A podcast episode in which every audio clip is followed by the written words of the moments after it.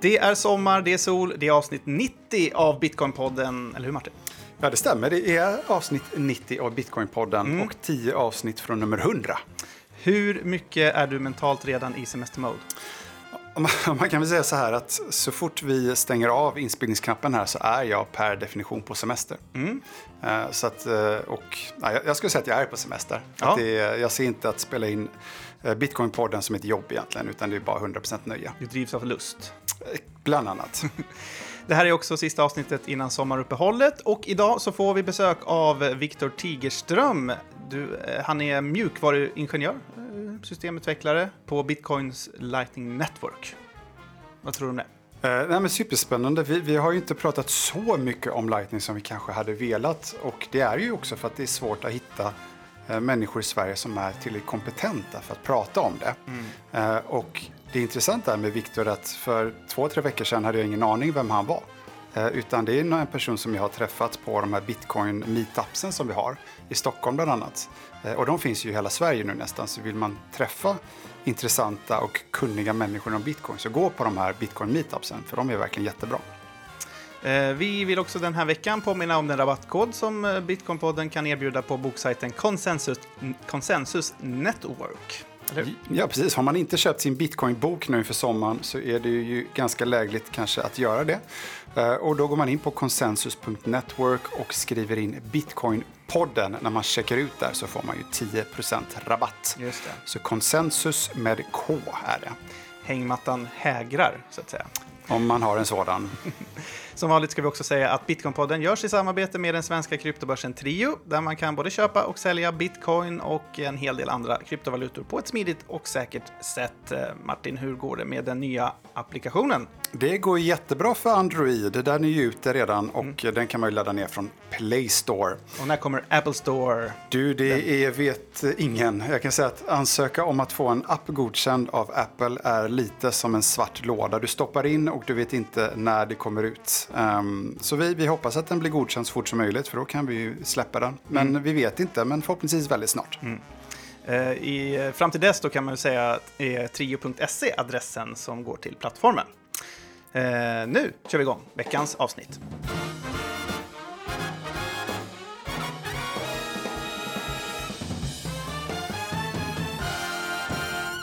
Då säger vi välkommen till veckans gäst, utvecklaren Viktor Tigerström.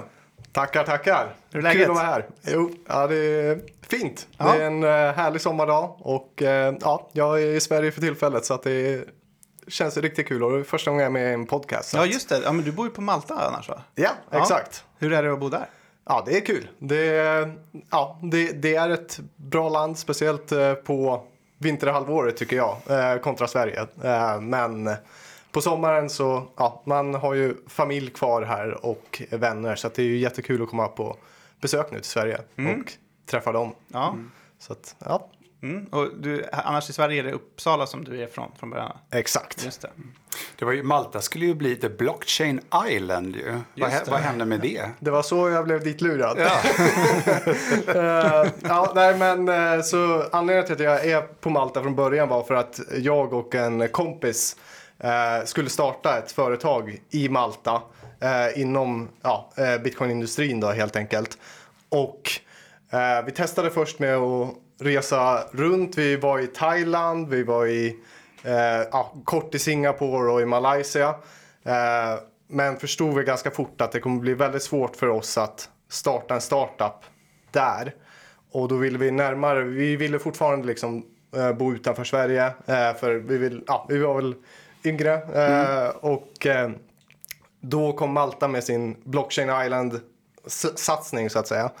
Eh, och det lät ju bra på papper för att jag har jobbat inom industrin här i Sverige tidigare och vet hur svårt det är med alla regulatoriska bitar. Och med att få bankkonton och liknande för eh, företag inom industrin. Och eh, då tänkte vi att det är perfekt, det är inom Europa, vi har visum som gör det lätt att eh, bo där. Och eh, de skulle vara väldigt pro då. Eh, men man har lärt sig att i Malta så är det också så att det som sägs på papper är kanske inte alltid det som händer i praktiken. Eh, och det gick väl inte jättebra med den här Blockchain Island-satsningen, eh, tyvärr. Eh, men eh, jag började ändå gilla Malta och jag har en svensk flickvän som bor i Malta också. Eh, och speciellt hon gillar Malta väldigt mycket. Eh, och på den vägen. Jobbar också där eller? Inom Exakt, hon jobbar inte inom den här industrin överhuvudtaget, men hon jobbar på Malta. Bet- bettingbolagsindustrin kanske? Exakt, Ja, exakt. Hon, hon jobbar med antipenningtvätt faktiskt inom Ja. den industrin. Så att det är lite kul att det... Ja. vad, vad är bäst med Malta? Är det vädret? det skulle jag ändå säga. Och att det är en väldigt avslappnad känsla. Att man... Det, ja, men allt är inte så... Allt ska inte vara liksom så här på topp hela tiden som jag upplever lite i Stockholm att Lite här ska manana, väldigt- manana, Ja, li, lite åt det hållet. Och det såklart, det har ju sina negativa aspekter i vissa delar.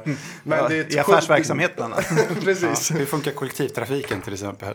Eh, ja, den kan man väl inte säga är eh, jätteväl fungerande. Eh, Nej. det är gratis bussar så man kan ju åka vart man vill men det, de är alltid överfulla och aldrig i tid. Så kan man väl sammanfatta Ja. Ja, det. men jag tycker kollektivtrafik är alltid, det säger så mycket om ett land nämligen. Ja. hur, om man, hur bra man har löst det säger hur bra landet styrs också. Precis. Ja, Ja. ja, men det var ju lite om din bakgrund där också. Numera jobbar du ju på eh, den amerikanska startupen Lightning Labs. Exakt. Eh, och det jobbet fick du under tiden du bodde på Malta då, eller? Ja, precis. Mm. Eh, så att eh, jag jobbar ju helt remote då för eh, Lightning Labs då. Ja. Vad är det för bolag? Så bolaget, det de gör är att på, för, för Lightning Network då, så finns det fyra stora implementationer. Det är dels då Lightning Labs eh, version som heter LND. Sen så finns det eh, det som Blockstream står bakom som heter Core Lightning. Sen så finns det en, en, ett annat projekt som heter Eclair. Eh, och det finns även ett sista projekt som heter LDK som är Spiral framförallt som har varit med och utvecklat. Och Spiral är då Block eller Square, är många som känner igen dem från. Okej, så, så- olika bolag, olika inriktningar eller liksom? Precis, så, så det, det skiljer sig lite från eh, själva Bitcoins grundprotokoll som är då eh, Bitcoin Core. Att där finns det en stor huvudimplementation. Medan på Lightning Network så har man fyra olika stora varav de används i lite olika syften och de har också lite olika eh, användar li, lite olika mängd användare såklart.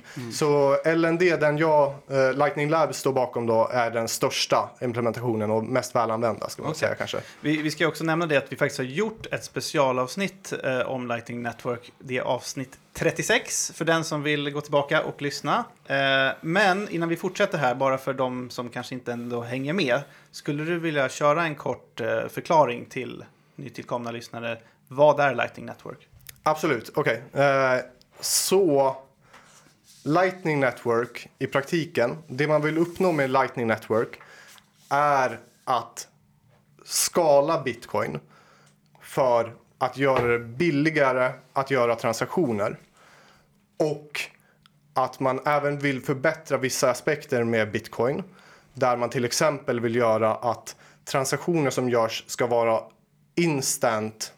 Eh, det vill säga att de direkt är settlade. Eh, till skillnad från bitcoin så behöver man ju vänta ett helt block som i snitt då tar 10 minuter. Eh, innan en transaktion är helt settlad. Och om jag ska ge en övergripande förklaring för hur det här fungerar.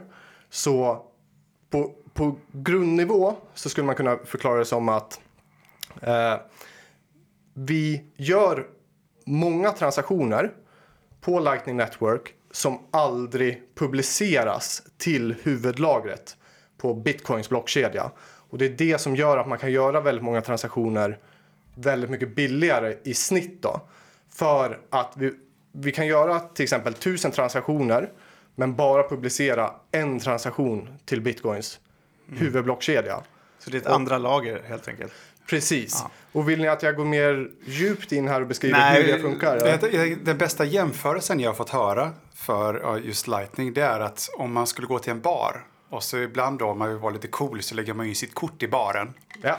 Och så, så fort man går och köper en drink så lägger man ju det på kortet. Så du kan börja skapa liksom en, ett saldo då.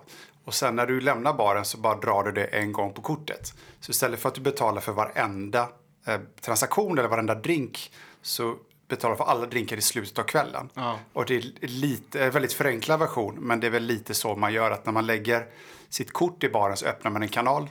Och när du går och iväg med ditt kort och betalar så stänger du kanalen. Man handla, handla på krita helt enkelt. Eh, Ja, inte just Lightning eh, kanske, eh, men, men Inte riktigt. Så om jag, om jag ska ge en kort övergripande förklaring på hur det fungerar rent konkret då. Så sättet, säg att jag och Martin då vill öppna en betalkanal till varandra. Det vi gör är att vi skapar en så kallad multisig-adress. Det vill innebär, vilket innebär att vi kan bara föra ut pengar från den här adressen om både jag och han signerar den här transaktionen. Som ska föra ut pengarna från den. Sen så för jag in pengar till den här adressen som vi sitter på. Men för att jag ska kunna föra in pengar och känna mig trygg att jag kan föra ut de här pengarna från den adressen så har vi i förväg skapat en transaktion som vi båda har signerat som säger att du kan föra ut pengar från den här adressen och då går, säg att jag för över en bitcoin till adressen. Då går en bitcoin till Viktors adress och noll bitcoin då går till Martins adress eh, i praktiken. Och det gör mig då trygg att jag kan föra in de här pengarna på adressen.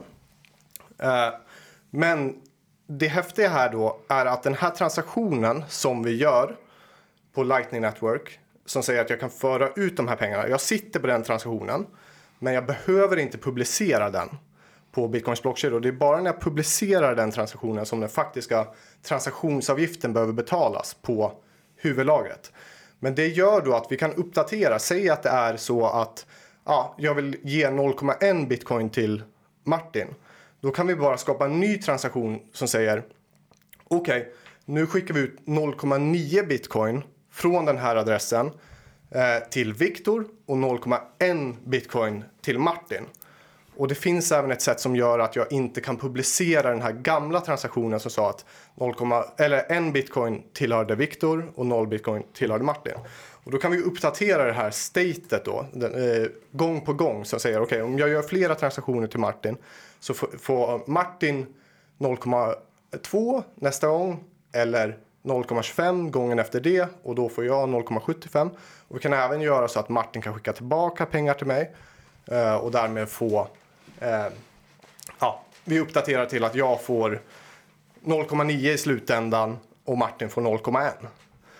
Och det gör då att vi kan göra jättemånga transaktioner men bara publicera den sista.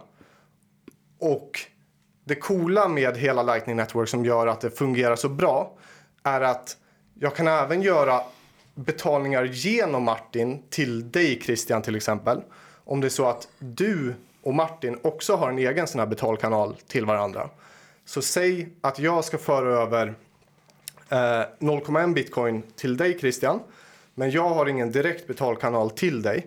Men du har en betalkanal till Martin. Där för tillfället sitter båda på 0,5 bitcoin på varsin sida.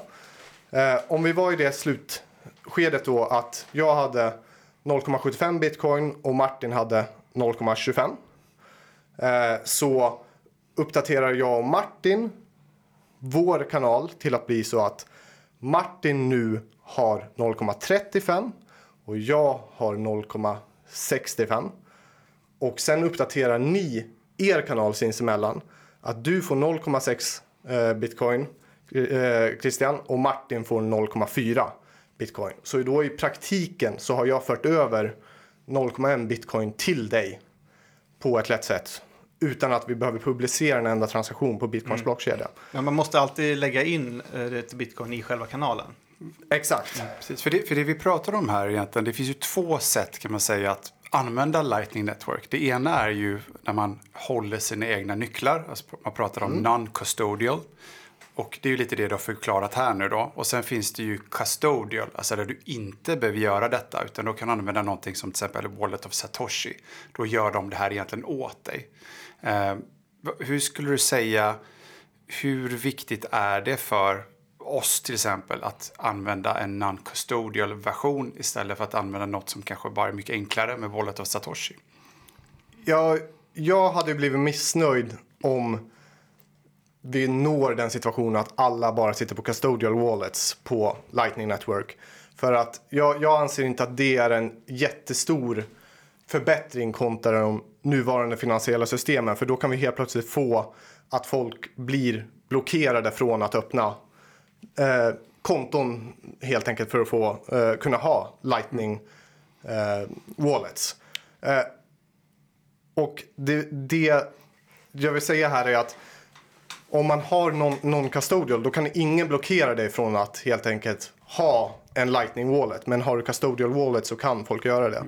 Mm. Eh, och jag vill dock säga att det finns vissa förbättringar om vi har custodial wallets i form av att vi kan till exempel nå en nivå på Lightning Network att eh, det är dolt vem jag kommer skicka mina pengar till. Vilket gör att du inte kan blocka transaktioner som en custodial wallet baserat på att okay, de här pengarna ska gå till den här personen. Så Lightning kan vara mer anonymt om du gör det non-custodial?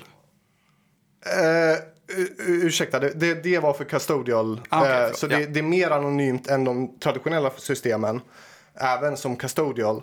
Men det är extra mer anonymt om du har en non-custodial. Ja. Så kan man sammanfatta det. För man kan säga, så som jag uppfattar det, så Lightning är ju väldigt bra på många sätt. Mm.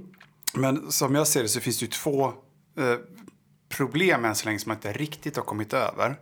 Varav ett uppdagades väl ganska nyligen. Eh, men om, om, man tar problem ett då är ju att du kan inte egentligen ta emot bitcoin eh, non-custodial om du inte själv har bitcoin idag. För du måste ju skapa en kanal antar jag, och lägga in bitcoin för att den ska kunna ta emot. Så du har liksom ett likviditetsproblem. Och det andra problemet nu då som uppdagades i maj när avgifterna gick upp så otroligt mycket. Att det kostar väldigt mycket att, att öppna eller stänga en kanal. Och då kanske inte det funkar jättebra för små transaktioner till exempel som man kanske vill göra med Lightning. Så har du möjlighet att diskutera lite bara de två olika problemen som, som jag i alla fall ser med Lightning? Absolut, och vi kanske ska börja med att prata om det första eh, först och sen tar vi det andra eh, problemet sen. Så det första med, det stämmer att i dagsläget så eh, man måste ha en Lightning-kanal för att kunna ta emot pengar på Lightning Network. Eh, och det är ett problem. Men... Och, och, man... men, förlåt, när du säger att man måste ha en Lightning-kanal, då betyder det att du måste ha den men du måste också ha skickat in eh, bitcoin i den? Eh, det, det behöver du nödvändigtvis inte ha. För att vi kan öppna en Lightning-kanal, du och jag, eh, Christian. Där jag har noll på min sida och du har en på din sida. Då har jag fortfarande en Lightning-kanal. Okay. Och då kan jag ta emot en bitcoin från dig. Eller i praktiken då om det är Martin som försöker skicka. Så kan jag ta emot via eh, Martin som skickar till dig Aha. och sen till mig. Men det går inte att ha 0-0 bara? Eh, det, det har ingen direkt anledning. Eh, eh för att eh, du du kan inte lägga in pengar, mer pengar som existerar i en Lightning-kanal kan du inte lägga in, du kan inte föra in mer pengar i kanalen. Så är det så att vi börjar med en på din sida och noll på min sida, då är det en bitcoin i den kanalen. Okej, okay. men, men om Martin vill skicka mer än så till dig, då går inte det via den här kanalen för att det är för lite i det? Exakt, exakt. Och det var det jag ville komma till. Att man har även, eh, det, det, har blivit ganska stort sen eh, ja, bara ett år sedan i princip. Att de eh, flesta implementationerna stödjer det. Att vi kan öppna en kanal som vi inte behöver vänta på en confirmation på bitcoins blockkedja innan du kan föra över pengar till mig. Så är det så att Martin vill föra över pengar till mig eh, via dig Christian, men du och jag har ingen kanal och jag har ingen kanal i övrigt.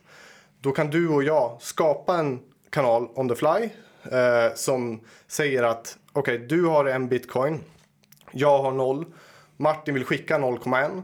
Då ändrar vi statet till att du har 0,9 och jag har 0,1. Och den här kanalen är... Eh, de, den är inte... Den har inte kommit in i ett block i bitcoins blockkedja än. Eh, och det finns vissa säkerhetsrisker med det. Att jag behöver lita på dig för tillfället Christian tills den har kommit in i eh, blocket. Ja, för, för att bara det där, för, så, säkerhetsrisken som du säger är ju att den transaktionen faktiskt aldrig kommer med i blocket. För är det för mycket transaktioner och mempoolen blir full så kan ju den bli purgad och så blir det aldrig någon kanal liksom. Ja, och plus att eh, Christian kan också double-spenda den transaktionen. Eh, och då kommer den aldrig kunna bli confirmed. Och hur double spände han den? Eh, det, det är ganska lätt. Eh, om det är så att den här stödjer vissa eh, features på bitcoins eh, blockkedja. Så, ja, bland annat replace by fee finns det en eh, feature som heter. Då kan Christian väldigt lätt dubbelspendera den här transaktionen. Eh, men det som är viktigt att säga då här är att jag behöver bara lita på dig tills dess att transaktionen har blivit godkänd. Och det gör att jag kan onboarda på Lightning Network utan att ha några bitcoin överhuvudtaget. Jag behöver bara lita på dig tills dess att den har blivit confirmed. Och det här är någonting som jag tror kommer bli väldigt stort. Så sättet jag ser non-custodial lightning adoption kommer vara att vi har tjänster och de kallas LSPs inom det här äh, lightning-ekosystemet. Äh, där jag har kanaler till LSPs som en non-custodial wallet och då har jag en viss affärsrelation till dem där jag, är det så att det händer då att de eh, ja, helt enkelt nekar eller eh, dubbelspenderar den här transaktionen så kan jag ändå stämma dem för jag har ju ett bevis på att det här har hänt helt enkelt. Eh, ja, och det är inte en bra affärsrelation för seriösa företag helt enkelt såklart att börja lura sina kunder. Vad står LSP för? Eh, Lightning Service Provider. Eh, Och de, vad de, är det likviditet då som de erbjuder eller vad ska man kunna säga att deras Så- business är? Ja, men det, men det skulle man kunna säga att deras huvudsakliga syfte eh, skulle jag ändå säga är att det, det är för non-custodial wallets och det är ofta mobil-wallets då att erbjuda ett enkelt sätt för dem att vara del av Lightning Network genom att erbjuda likviditet och då ta betalt eh, för det. Precis. Så, som jag förstod det rätt då, det du säger är att inom en snar framtid eller kanske redan nu nästan så kan jag ladda ner en non-custodial lightning wallet, Ja. Blixt wallet till exempel, som är svensk. Ja. Eh, och eh, så gör plånboken det mesta jobbet åt mig egentligen för att sätta upp den här kanalen så att jag kan ta emot bitcoin direkt utan att själv committa några bitcoin i kanalen. Ja, eh, och Eh, det är ofta så. Eh, jag- vet att eh, Blixt har en egen LSP. Men om vi tar de största Lightning plånböckerna som är non-custodial som är Phoenix och Breeze då för tillfället. Så skulle man kunna säga att det som händer är att när du öppnar upp den här plånboken så står det att du måste göra en transaktion som innehåller minst det här beloppet som första transaktion. Om någon ska betala dig så måste det vara minst den här, det här beloppet. Och så kommer vi ta en del av det beloppet för att öppna den här Lightning-kanalen. Precis. Så, du, så du kan inte ta emot egentligen bitcoin idag utan att själv spendera lite. För jag tänker som en, som en onboarding är det ju viktigt att det ska vara enkelt att kunna ta emot bitcoin. Men, men här så finns det ändå ett motstånd i att du kan Exakt. inte bara ta emot bitcoin på Lightning nu har jag glömt bort lite vad den, den första problematiken du nämnde, men det var det här. Det här var den första Ja, problematiken, den, okej. precis. Ja, okej. och, och vi hade ju en till då, som vi kan gå vidare till om du känner Ja, att... vill du ställa var- frågan igen? För den jag också glömt Om, om, bort. om Victor känner att han var färdig med att förklara Vi, vi, vi, vi kan eh, förklara lite till. Men ja, så det här skulle jag säga är ett stort problem. Att det är en ganska svår onboarding. Och jag tror också folk har en eh, felaktig bild av Lightning Network. Att är det så att du är på Lightning Network, alltså att du har bitcoin på Lightning Network, så kommer du aldrig behöva göra en on-chain transaktion igen. Det vill säga vi behöver bara göra en, öppna en kanal så är, vi, eh, så är det okej för alltid. Så är det inte, utan det, det kommer alltid komma situationer som det du nämnde tidigare Christian. Att Martin vill föra över mer pengar än vad som existerar i vår kanal. Eh, då kommer vi behöva göra en on-chain transaktion som antingen då öppnar eh, öppnar en till kanal eh, till, mellan dig och mig. Eh, så att vi har två kanaler och vi, vi kan ha många kanaler liksom. Kan jag inte skicka in mer pengar i befintlig kanal bara? Eh, det stödet finns inte i dagsläget. Det kommer, eh, det, det finns ett förslag som heter splicing på Lightning Network för att kunna göra det. Men det, det är fortfarande under utvecklingsstadie. Eh, och ja, det, det kommer gå i framtiden. Men i dagsläget går inte det. Eh, Okej, om, man, om man säger så här då, om man har som vision att non-custodial lightning, för jag tycker ändå vi fokuserar på non-custodial här idag snarare än, än custodial. Om man ha, s- tycker att det är rimligt att ha som vision att non-custodial lightning network ska bli lika enkelt att använda som Swish.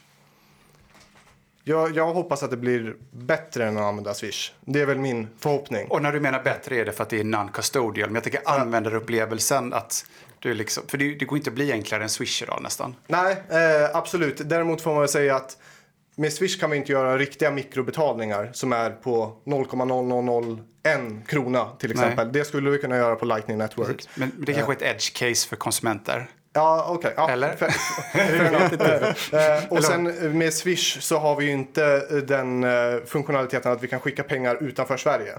Med Lightning Network så kan vi verkligen skicka pengar överallt över hela världen.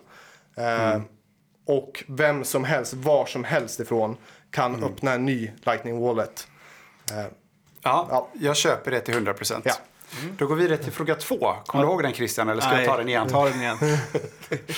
Jo, nej, men det, det, eh, för de som gör bitcoin-transaktioner någorlunda liksom, reguljärt så eh, hade vi ju en ganska eh, spike eh, av transaktionsavgifter i maj i och med att folk började minta massa NFTs ehm, på eh, Bitcoins blockkedja. Och då kunde det kosta upp till 500 kronor att få med sin transaktion på blockkedjan.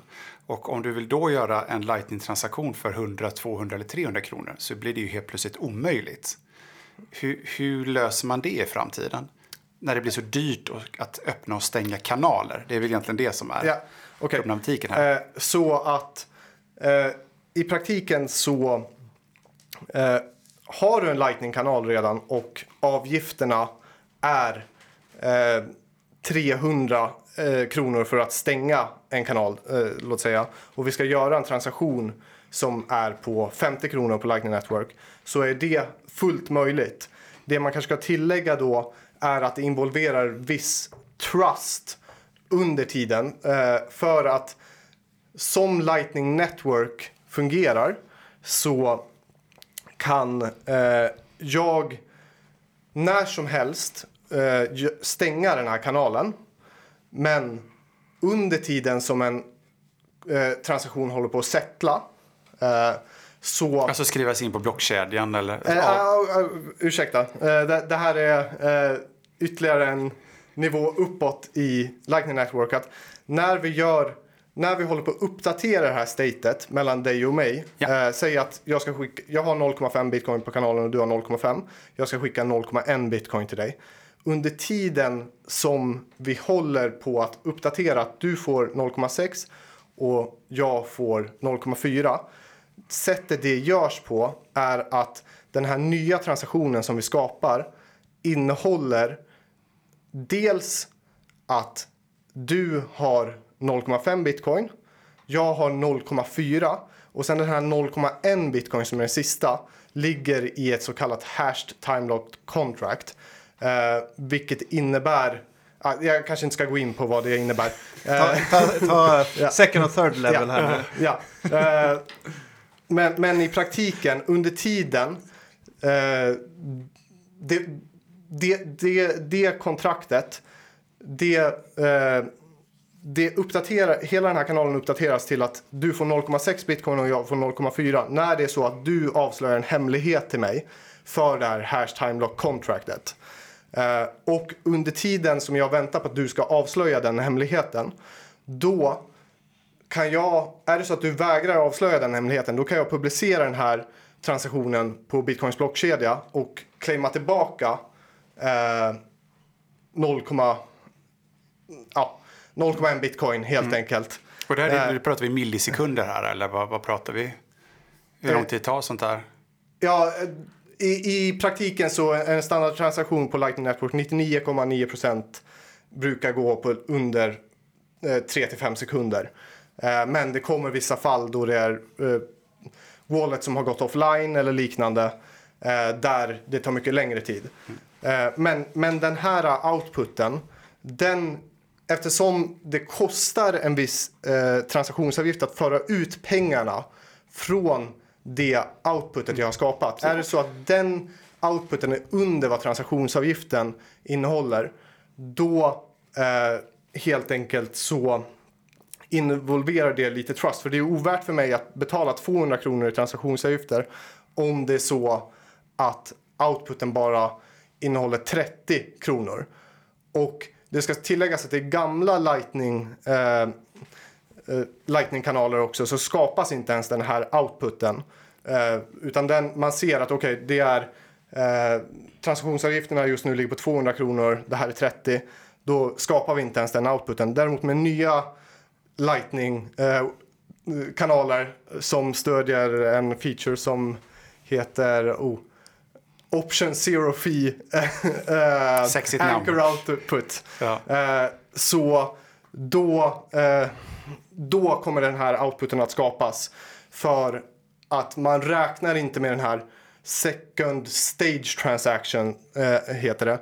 Avgiften för den för att ta bort sådana här outputs. ja. Mm. Ja, det, är, okay. det, är inte, det är inte helt enkelt att förstå. Sen tror jag de flesta människor kanske inte behöver förstå för att man kommer kanske inte gå ner så här djupt i det kaninhålet. Men, men, men det är just det här, de höga transaktionsavgifterna på ja. bitcoin, bara för att ta ner det här lite till mer basic. Det är ju lite det som kan man säga var orsaken till att Lightning Network liksom uppfanns från start. Ja. Eh, eftersom liksom, när väldigt många vill använda Bitcoin-nätverket samtidigt så blir det problem. Och då ja. behövs en lösning och det var liksom Lightning Network som presenterades. Exakt. Och om jag får fortsätta på den, det här mm. spåret. Jag tror personligen att det här kan vi lösa till viss del. Mm. Eh, om det, jag, jag, tror faktiskt någonting som jag personligen eh, sitter och eh, jobbar på på fritiden lite.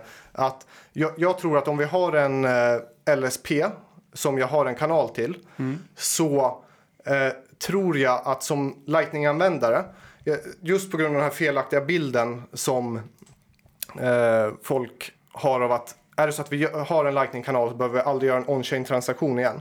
Jag tror det är en felaktig bild eh, när man säger att okay, en Lightning-transaktion kostar bara en satoshi till exempel. För att om vi tänker oss hur det fungerar i de traditionella finansiella systemen så eh, säg att vi gör en SEPA-transfer till exempel, så får alla kunder betala 10 kronor. Men det kostar inte 10 kronor för bankerna varje enskild transaktion. De kommer få vissa transaktioner de behöver göra jättemycket. Eh, Beroende på hur många korrespondentbanker och vilken korrespondentbank man använder. Exakt. Mm. Och det kan vara mycket KYC-grejer och så vidare som kommer, kostar dem jättemycket. Så att jag tror en mer korrekt bild av eh, hur mycket en Lightning-transaktion eh, kostar är att vi måste slå ut det mot de on-chain transaktioner vi behöver göra mm. och skapa någon slags snittkostnad ja. eh, på den här transaktionen. Mm. Och jag tror att man kan eh, uppnå ett system där vi kan överföra, eller de här LSPsarna som jag har kanalerna till eh, kommer kunna stå för alla on-chain fees som krävs utan eh, att de behöver ta någon risk för att jag kommer i snitt betala, jag betalar varje gång jag gör en lightning-transaktion så betalar jag i snitt till en LSPn liten, eller? Exakt, mm, till LSPn. Okay. En liten extra avgift eh, hela tiden för att då finansiera när jag behöver göra en on-chain transaktion. Mm. Och det innebär att är det så att jag ska föra över den här eh, ja, 30 kronorna till dig ja. då, behöver inte jag, då har inte jag någon trust i att jag kommer behöva stå för den här eh, on-chain fin utan det är LSPn som behöver göra och det. Det finns väldigt mycket mer teknikaliteter för att få det här att fungera ja. på ett bra sätt. Men ja. det behöver vi inte gå in på. Nej, men det, det, du säger är att höga avgifter på bitcoins blockkedja kanske i längden inte är ett problem för att man kommer ha en företag inom Lightning-nätverket som kommer att betala dem och så betalar du istället ett snittkostnad till LSPn. Det, det är en förhoppning jag har Precis, i alla fall. För, för jag tänker när Bit, alltså avgifterna för att göra en bitcoin-transaktion kommer ju inte bli billigare. Ju fler som använder nätverket och ju mer hashrate vi har och liknande och ju mer eh, belöningen minskar någonstans så måste ju miners få betalt för att skydda nätverket. Ja. Så att om 10, 15, 20 år så kommer det troligtvis vara ganska dyrt att göra en on-chain transaktion. Och man kanske vill vara lite mer uppe på de här högra lagren. Så det är det med att man måste nog hitta en lösning till det för att det kommer bli dyrt att öppna och stänga kanaler. Ja. An- Annars hänger inte, alltså det går inte, det finns inte en ekonomisk eh, funktion för det att fungera liksom. Och jag skulle säga att det vi pratade om tidigare här med eh, ja, men som Breeze och eh, Phoenix fungerar i dagsläget. Att för att jag ska kunna ta emot Lightning Coins från början om jag inte har några bitcoin i walleten så tar de helt plötsligt, eh, ja, säg, jag tror de tar 5000 satoshis eller någonting liknande just nu. Jag ja, citerar inte mig på siffrorna. Men de tar i alla fall en avgift. Jag tror det UXen för en slutanvändare är för dålig för det här. Utan det, det, det måste vara helt... För att vi ska kunna få mainstream adoption på Lightning Network så måste UXen vara så bra att det är... Det fungerar lika bra som traditionella systemen för eh, slutanvändarna. Och då kommer vi tillbaka till den frågan du frågade tidigare med Swish helt enkelt. Ja, för, för, för, säg att Lightning Network misslyckas. Ja. Vad är plan B för att skala bitcoin? Så det finns många skalningsalternativ, eh, ska vi sägas. Ah, och det som är viktigt kanske att nämna här är att alla skalningsalternativ vi har har olika för och nackdelar. Så det finns inget perfekt skalningsalternativ. Lightning Network är ett skalningsalternativ, men vi har även alternativ som eh, sidechains, där kanske de kändaste är drive chains eller state chains. Eh, ja, Okej, Okej, ja, state chains kanske man inte ska nämna i det fallet, men äh, strunt samma. Eh, men drive chains är kanske det eh, kändaste och även så har man börjat föreslå någonting som har kommit på ethereums nätverk tidigare som heter rollups och det är ett sätt att eh, kunna göra fler transaktioner på bitcoins blockkedja mer trustless eh, och sen har vi även alternativet att öka block eh, chain, eh, eller blockked... eller- Blockstorleken. Blockstorleken, tack. Ja, det, det är en het debatt det där som att alltid vågar gå ner Precis. och Och eh, det ska sägas då att alla de här alternativen har sina för och nackdelar. Det finns liksom inget perfekt alternativ. Och det jag tror kommer hända eh, Eh, är att vi kommer se en framtid där vi kombinerar många olika eh, skalningsmetoder med varandra. Så till exempel, det finns ingenting som förhindrar mig att exempelvis om jag har en drive chain, en, en, en då sidechain, att ha en lightning-kanal på en sidokedja och interagera med min lightning-kanal som jag har på mainnet. Eh, så säg att du har en lightning-kanal på en sidechain så kan jag betala dig genom att göra en swap. Eh, trots att jag har bitcoin på lightning. Men det här är ju ingenting som vanliga konsumenter kommer behöva bry sig om egentligen. Nej. Utan det här är ju verkligen bara några få människor i världen känns det som som kanske kommer sitta och koda sånt där, eller? Absolut. Det, det, som man, det som jag personligen gillar med Lightning Network ska vi säga, är just det här att det, eh, det... Folk får ofta en bild när man pratar om Lightning Network som att det är att man har det, det är inte bitcoin utan det, det finns någon slags lightning coins. Och det tycker jag kanske man ska säga här. Om ni tar med er någonting från den här podcasten så viktigt är då att lightning-transaktioner vi gör, det är riktiga bitcoin vi använder. Det är riktiga bitcoin-transaktioner vi gör.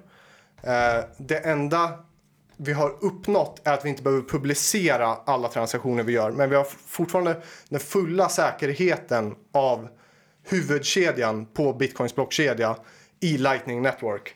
Eh, om vi kör non-custodially. Eh, När Lightning Network först lanserades, eh, det var väl 2016 kanske, eller något sånt? eh, jag tror Mainnet-releasen var Ja, alltså själv- 2018 tror jag. eller Någonting sånt Ja, där. men själva pappret, alltså själva white ja, paper. ja, ja, eh, Det måste ju varit innan i alla fall. Ja, ja absolut. Det var innan hela den här... eh, eh, blockstorlekskriget som Ja, var men exakt. 2017. Eh, Jag tror det kanske var 2015 om jag inte minns helt fel Nej. som man publicerade. Ja, två killar va? Ja. Ja.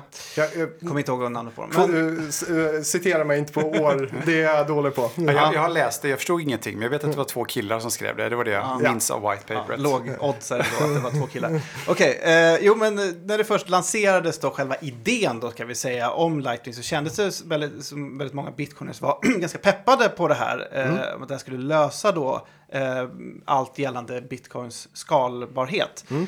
Eh, men med tiden eh, så eh, känns det lite som att den entusiasmen har försvunnit hos en del. Inte minst då i takt med att det har tagit lång tid och att det, liksom, problem har dykt upp på vägen och så. Inte för att man inte kunde gissa att det skulle komma problem, men ändå. Men eh, det är lite min upplevelse i alla fall. Men hur har du upplevt Bitcoin Communities inställning till Lightning Network de senaste åren? Ja, ja, men jag skulle säga att jag tror du sammanfattar det ganska väl. Att väldigt många har en bild av Lightning Network att det löser allt. Allt. Eh, Men då glömmer vi de här trade-offsen man behöver göra med Lightning Network. Just svårigheten med onboarding, som sagt om vi kör non-custodially. Eh, Och även det faktum, tror jag många har missuppfattat det här att är det så att vi är på Lightning Network så behöver vi aldrig göra en on-chain transaktion igen. Det, det funkar liksom inte. För det, trade-offsen är ju för att man vill göra det non-custodially. Ja. Många av trade-offsen försvinner väl om man gör det custodially. Så, så skulle jag definitivt säga. Det, då, är, då har du en mycket större skala. Så, så för att tydliggöra här vad custodial innebär då. Så då om du har en custodial lightning wallet. Då är det en stor spelare som sitter på jättemycket lik- likviditet och skapar stora kanaler. Där man helt enkelt eh, delar upp de summorna man har i kanalerna till sina användare och säger okej, okay, Eh, den här användaren har 0,01 bitcoin. Eh, men vi har den här stora kanalen på en bitcoin. Okej, men då kan den få föra ut 0,1 bitcoin från våra kanaler helt enkelt. Men risken du tar där då är att du som användare kan ju inte bara utan att be om tillåtelse ta ut de här pengarna.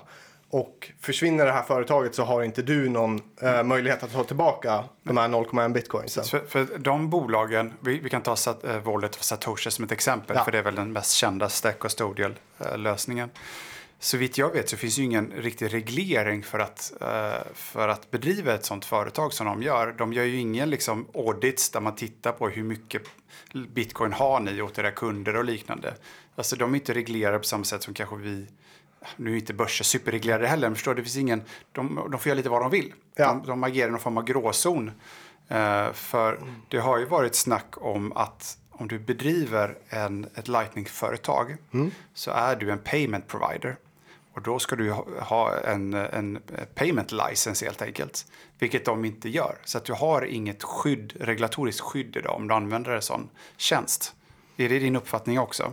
Eh, absolut, om du använder en non-custodial wallet så har du som kund inga riktiga rättigheter. Men även custodial, alltså Wallet Ah, of Satoshi. ursäkta, nu, nu sa jag fel här. Ja. Ja, Jag menade custodial. Ja. Ja. eh, Nej, men precis. Så att du har inte de rättigheterna att ta tillbaka dina bitcoin och du har inte laglig...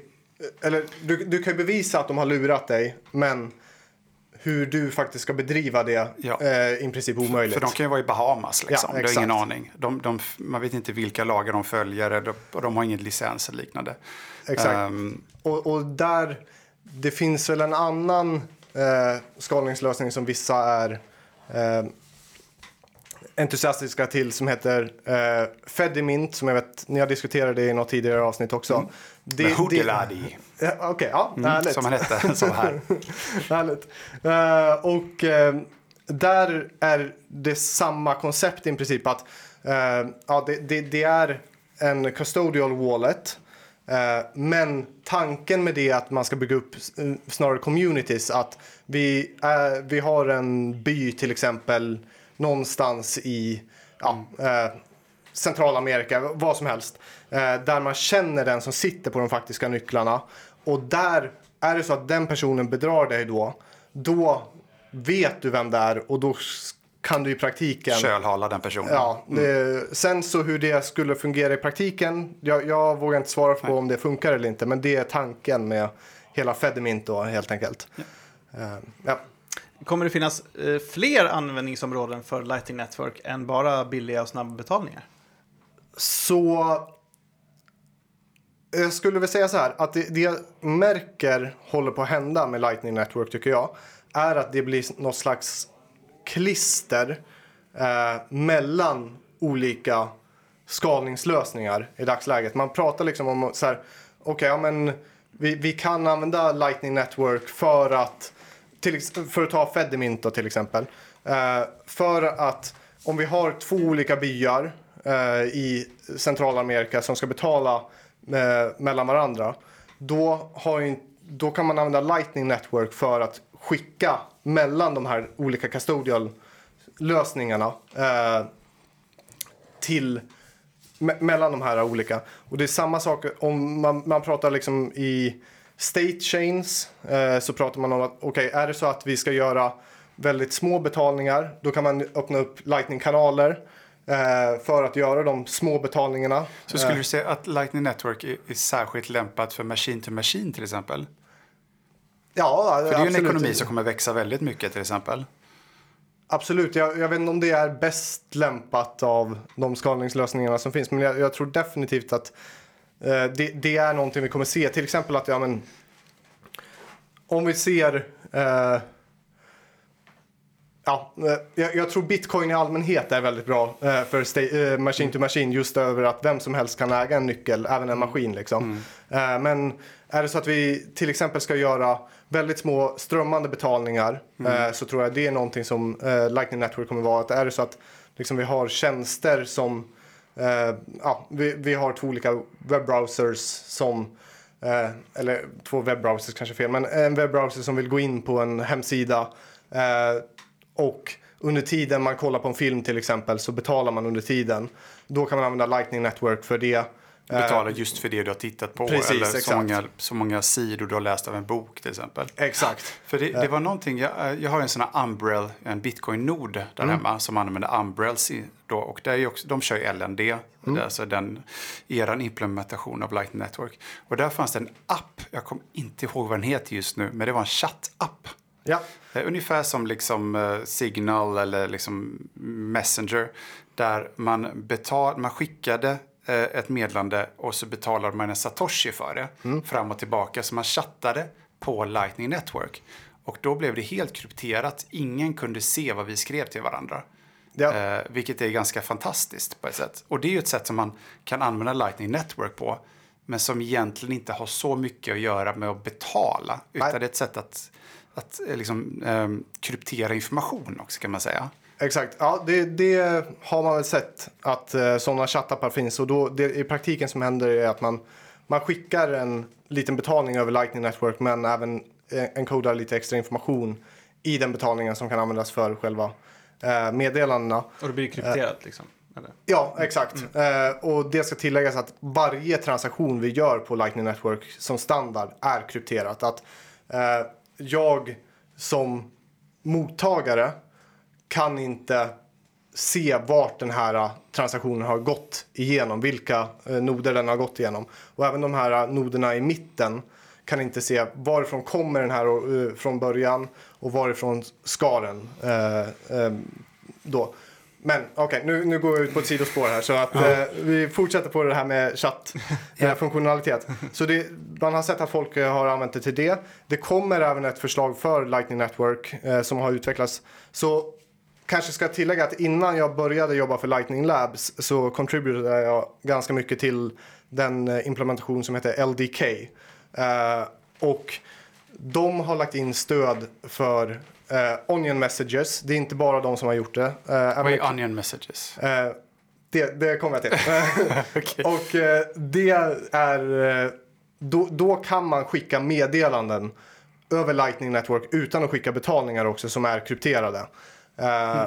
Och de här, det, det, finns även appar som ska använda det helt enkelt för att kunna skicka chatt. Så, så, fördelen med att vi har det här Lightning Network Och varför man ser sådana här lösningar som vill använda det är för att vi har fått en nätverkseffekt av att vi har kombinerade liksom, eh, personer som har en kontakt till varandra över Lightning Network.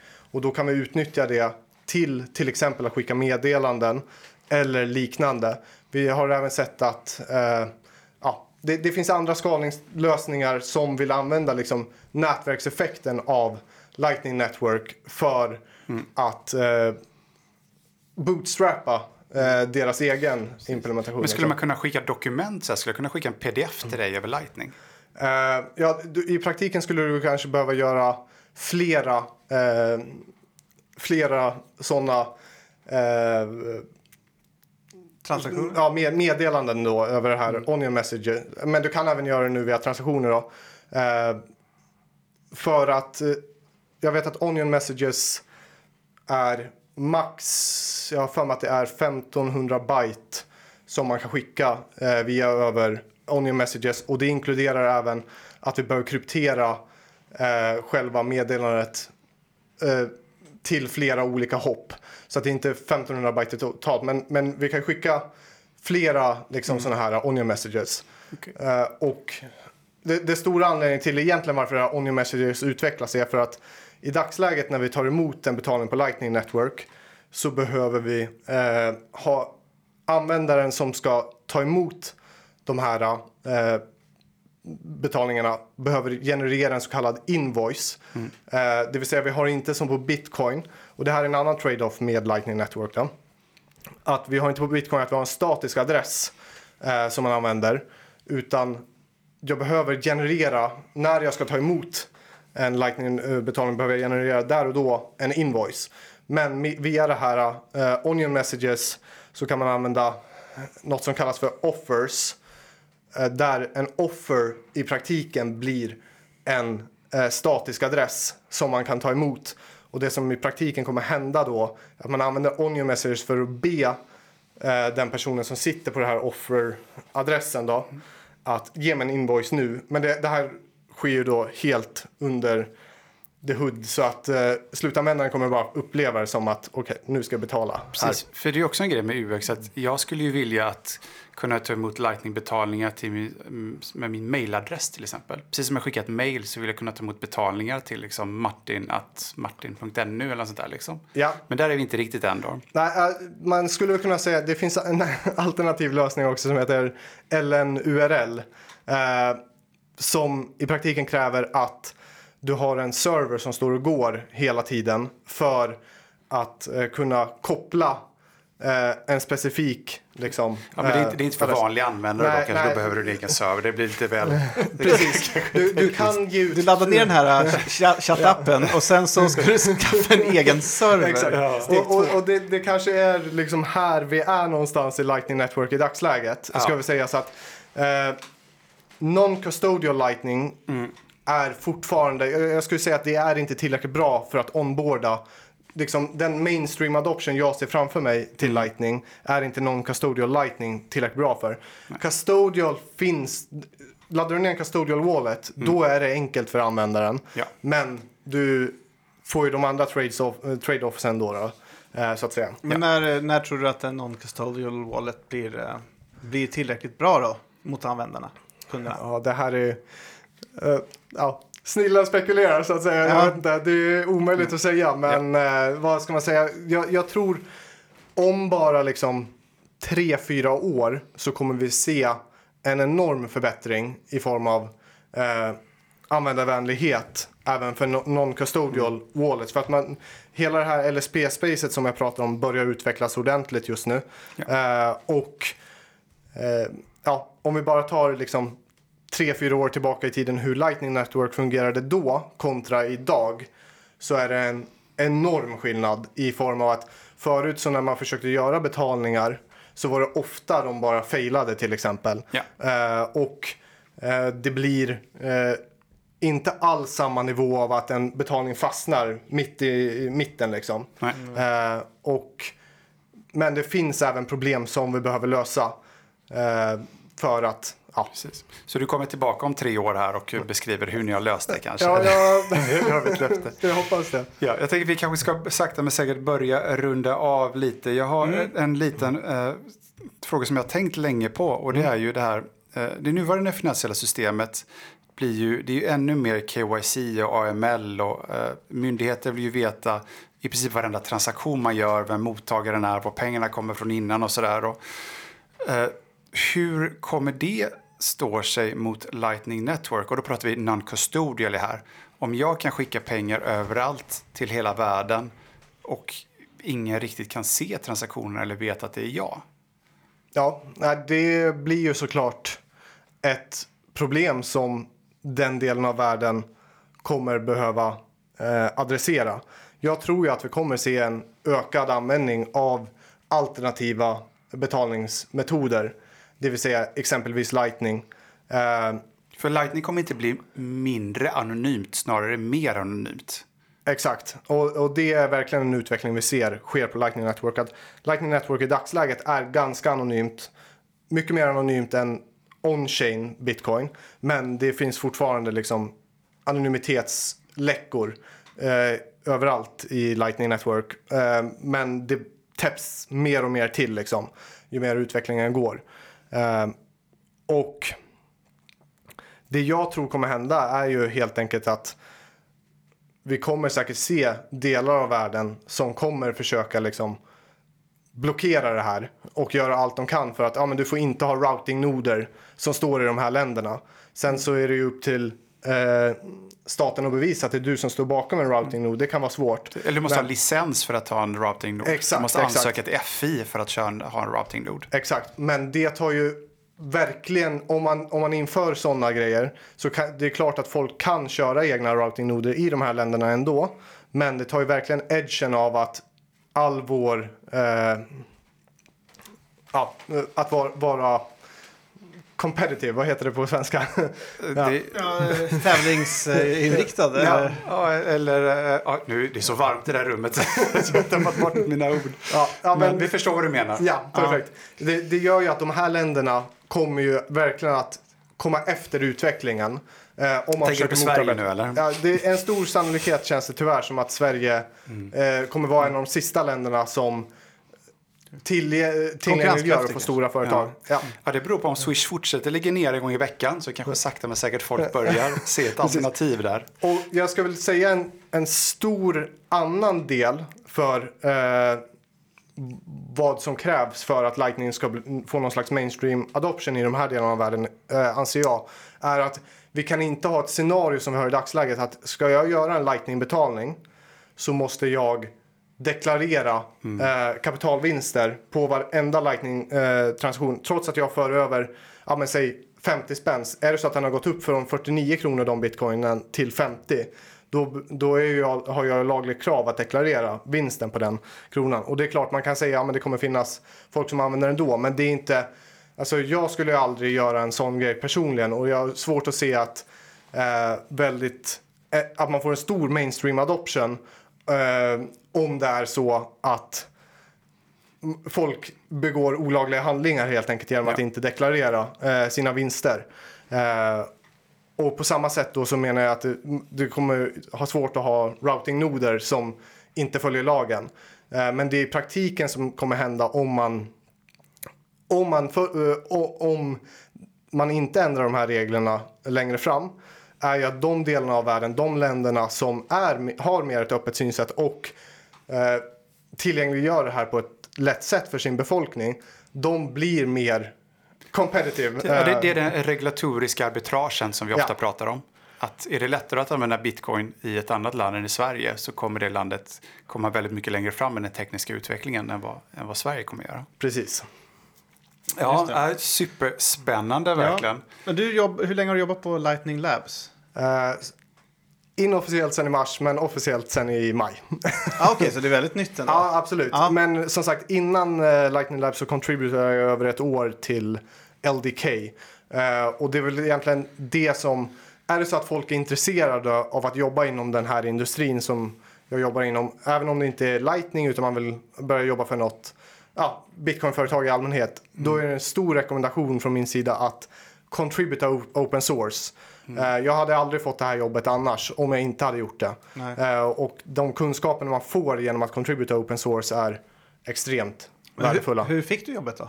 Eh, ja, jag sökte helt enkelt. Det är inte svårare än så. Men sen så är det ju en väldigt rigorös intervjuprocess som jag aldrig hade klarat mig igenom om det inte var så att jag hade eh, contributat open source och lärt mig de här grejerna på fritiden. Liksom. Precis, för det är ju... det alltså, vägen in liksom. Ja, Ja. Lightning Labs det är ju verkligen crème de la crème som jobbar där. Det är ju verkligen de smartaste personerna inom den här branschen. Förutom jag då. Ja, men det, alltså, att, att du kom, in- jag kan tänka mig att de här testerna var ju inte helt enkla. Sen fanns ju ChatGPT när, de här, när du gjorde de här testerna. Så jag, Precis. jag låter det vara osagt om du använder det eller inte.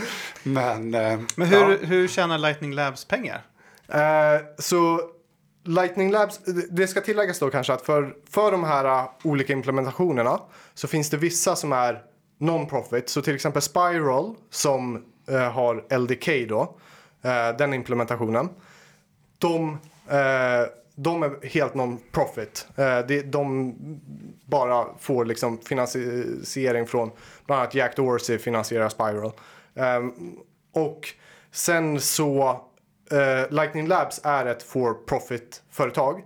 Det innebär att man har eh, man, man gör eh, tjänster till hela LND-ekosystemet som man tjänar pengar på. Så LND-noden är gratis att använda.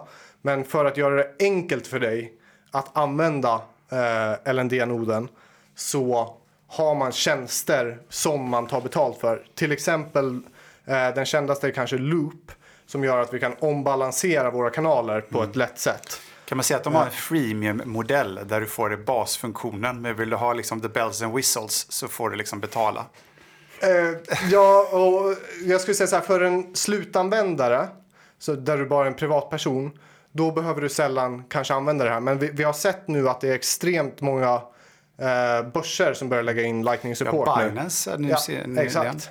Eh, Till slut. och sådana här stora seriösa företag, de måste eh, de, de inser mer och mer att vi behöver liksom ha enklare eh, delar. Kör Bi- Vet du om Binance eller Kraken kör LND som implementation eller? Jag, jag får inte kommentera eh, exakt bra. eh, de delarna Vi- vi tyvärr. lämnar men, det där då. Men, jag, ja, Men absolut. Lightning Labs är ju en startup eh, som Ja. förmodligen har tagit in riskkapital. Absolut. De, de, det är så i dagsläget, okej jag, jag kanske inte ska kommentera eh, sånt, men, det, men de, de följer en vanlig startup-modell helt enkelt Ja. där man går mot lönsamhet. Ja, Eh, man är inte längre där än riktigt antagligen eftersom det är så nytt bolag.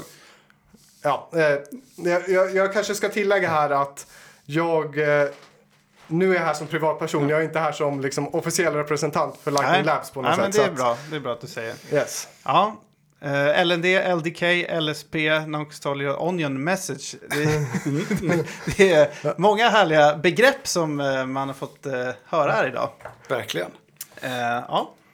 Har Yes. du någon mer fråga, Martin? Nej, alltså jag har nog tömt eh, frågorna för den här gången. Det var fantastiskt trevligt att ha det här. eh, och jag hoppas att du vill komma tillbaka i framtiden också. Och, eh, för det händer ju väldigt mycket på Lightning Network.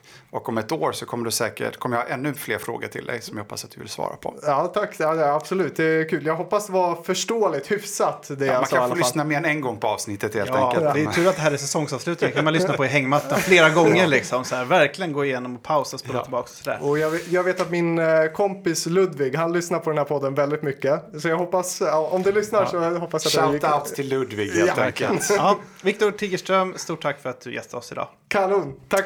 Ha det bra. Eh, och vi tackar även dig som har lyssnat på Bitcoin-podden även den här eh, vår och, och slash sommarsäsongen. Den görs ju i samarbete med eh, den svenska kryptobörsen eh, Trio, eller hur Martin? Det är helt korrekt och eh, man hittar ju Trio genom att skriva in trio.se i sin webbläsare eller ladda ner vår Android-app som finns i Play Store. Ja. Ska vi berätta när vi är tillbaka? För vi kommer ju såklart tillbaka. Eh, det kan vi göra. Det blir ju i eh, oktober. Det är planerat till oktober, ja, för vi är ju lite halvlediga efter sommaren där. Så är det. Och vi har redan otroligt spännande gäster. Ja. Vågar man namedroppa en? Nej, jag tror att vi håller på Vi det. sparar på ja, den. Vi Men sparar på jag det. tror vi kommer ha vår mest profilerade gäst kanske i säsongsöppningen. Ja, verkligen. Så får vi se vem det blir. Eh, ja, det blir väldigt spännande. Eh, glöm inte att följa oss på Instagram också. Där heter vi också Bitcoinpodden. Nu tackar vi för oss och eh, önskar en fortsatt trevlig vecka och en trevlig sommar.